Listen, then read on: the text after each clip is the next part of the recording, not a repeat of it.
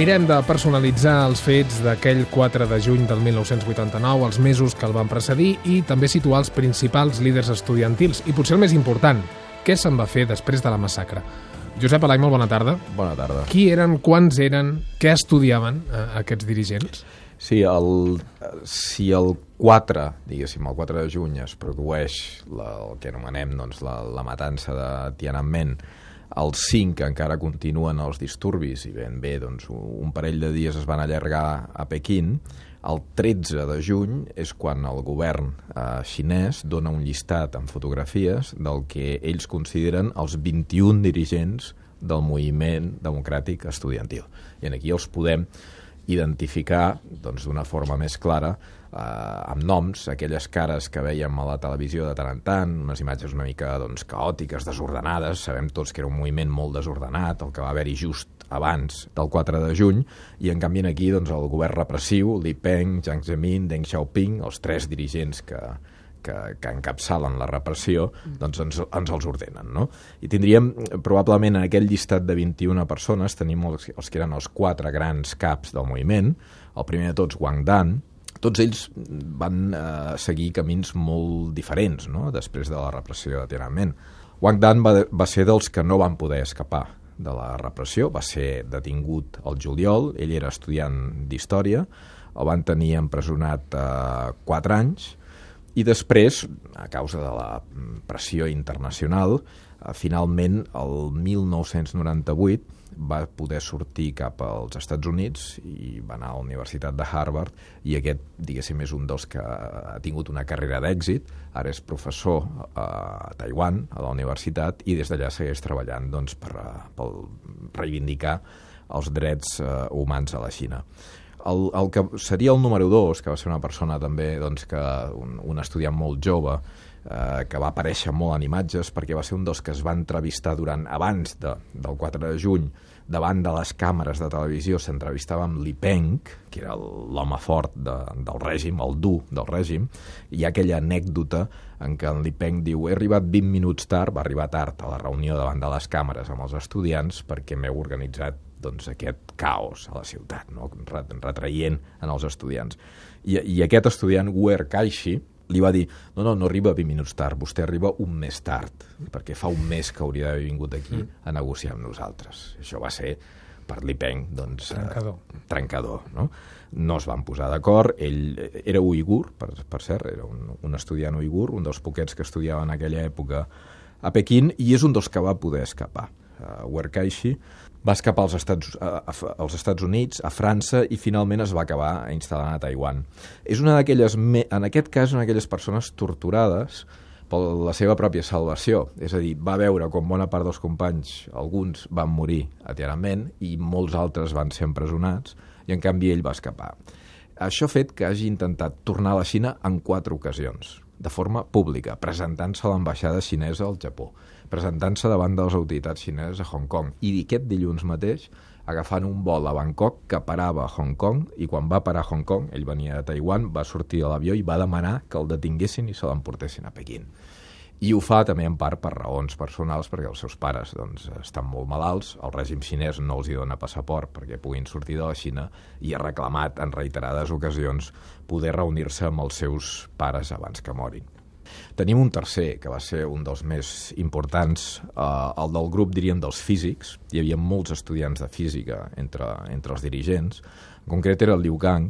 Liu Gang era un deixeble de Fang Liji, que era un dels grans dissidents xinesos, que després va passar un any dins de l'ambaixada americana a Pequín amb la seva dona, fins que el van deixar sortir el 1990 però el Liu Gang és un dels que va ser arrestat, va passar sis anys a la presó, el van deixar anar al 1995 i després va poder sortir també clandestinament per Hong Kong i es va instal·lar als Estats Units, on va protagonitzar darrerament una història d'espies en la qual hi ha implicada la seva dona, xinesa, que va arribar als Estats Units l'any 2008, sembla ser que va ser un amor a primera vista, es van casar i fa tres anys Liu Gang la va denunciar com una espia del Servei Militar d'Informació xinès als mateixos Estats Units. Es van divorciar i continua als Estats Units aquesta polèmica de Liu Gang denunciant a la seva pròpia dona com una espia que li havia enviat al govern dels Estats Units.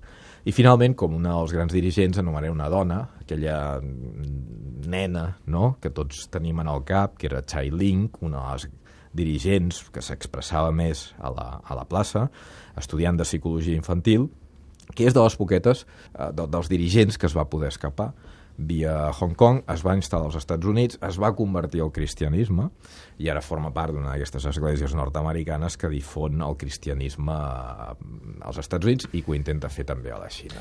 Josep, explica'ns en què va consistir en concret l'operació Ocell Groc. Sí, perquè es va aconseguir que gairebé 400, en aquells moments, 400 activistes estudiantils sortissin de la Xina en aquells moments de juny, juliol del 89, i alguns d'ells mm, destacats dirigents. Ocell groc és una, està extret d'una expressió xinesa que diu el pregadeu guaita la cigala sense adonar-se que té l'ocell groc darrere volent dir, mentre la policia està observant aquests activistes, aquests dissidents, nosaltres, l'ocell groc, estem preparats per agafar-lo i treure'l. Això va ser una operació mm, complexa que es va dur a terme al llarg de bastants anys, que tenia la seva base a Hong Kong, i per la qual els moviments mm, reivindicatius eh, xinesos en favor dels drets humans a Hong Kong, recordem que en aquells moments Hong Kong no formava part de la República Popular, van recollir eh, fons, van posar diners i van pagar literalment a les tríades xineses establertes a Hong Kong, a la màfia xinesa, perquè dugués a terme aquesta captura de dissidents dins de la Xina d'activistes d'estudiants, els portés a Hong Kong i d'allà els treien cap a Occident. Um, la icona de Tiananmen és, uh, ho recordeu segur tots, és aquell, aquell home davant del tanc, uh, és una de les imatges més potents, alhora més enigmàtiques, més misterioses del segle XX. Uh, se sap ja qui era, què se'n va fer? Sí, eh, s'ha dit d'aquesta imatge, eh, que és, eh, és a dir, tenia una imatge en zoom, de prop, en què el veiem davant de quatre tancs, però quan l'agafem de lluny és una columna de desenes de tancs que va aconseguir aturar aquest senyor que anava amb dues bosses de plàstic, amb una samarreta blanca i uns pantalons de color negre i que sempre l'hem vist d'esquena, mai li hem vist la cara però que amb la seva insistència va aconseguir que el tanc primer de la columna parés en dues ocasions el motor i no pogués continuar la, uh, aquesta cursa per l'avinguda Chang'an.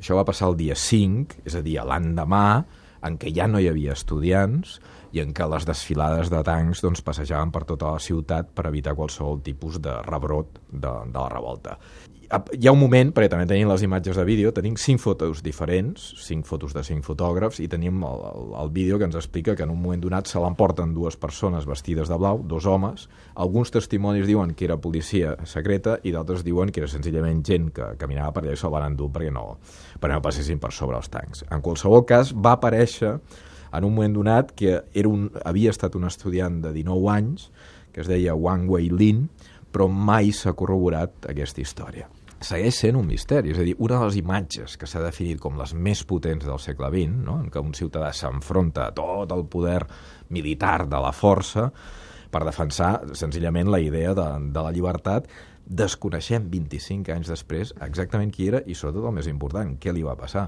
Eh, hi han dues o tres històries que indiquen que va ser executat. Una diu que dues setmanes després eh, l'havia executat un eh, escamot de fusellament, hi ha una altra història que diu que van trigar dos mesos, però en qualsevol cas hauria mort executat.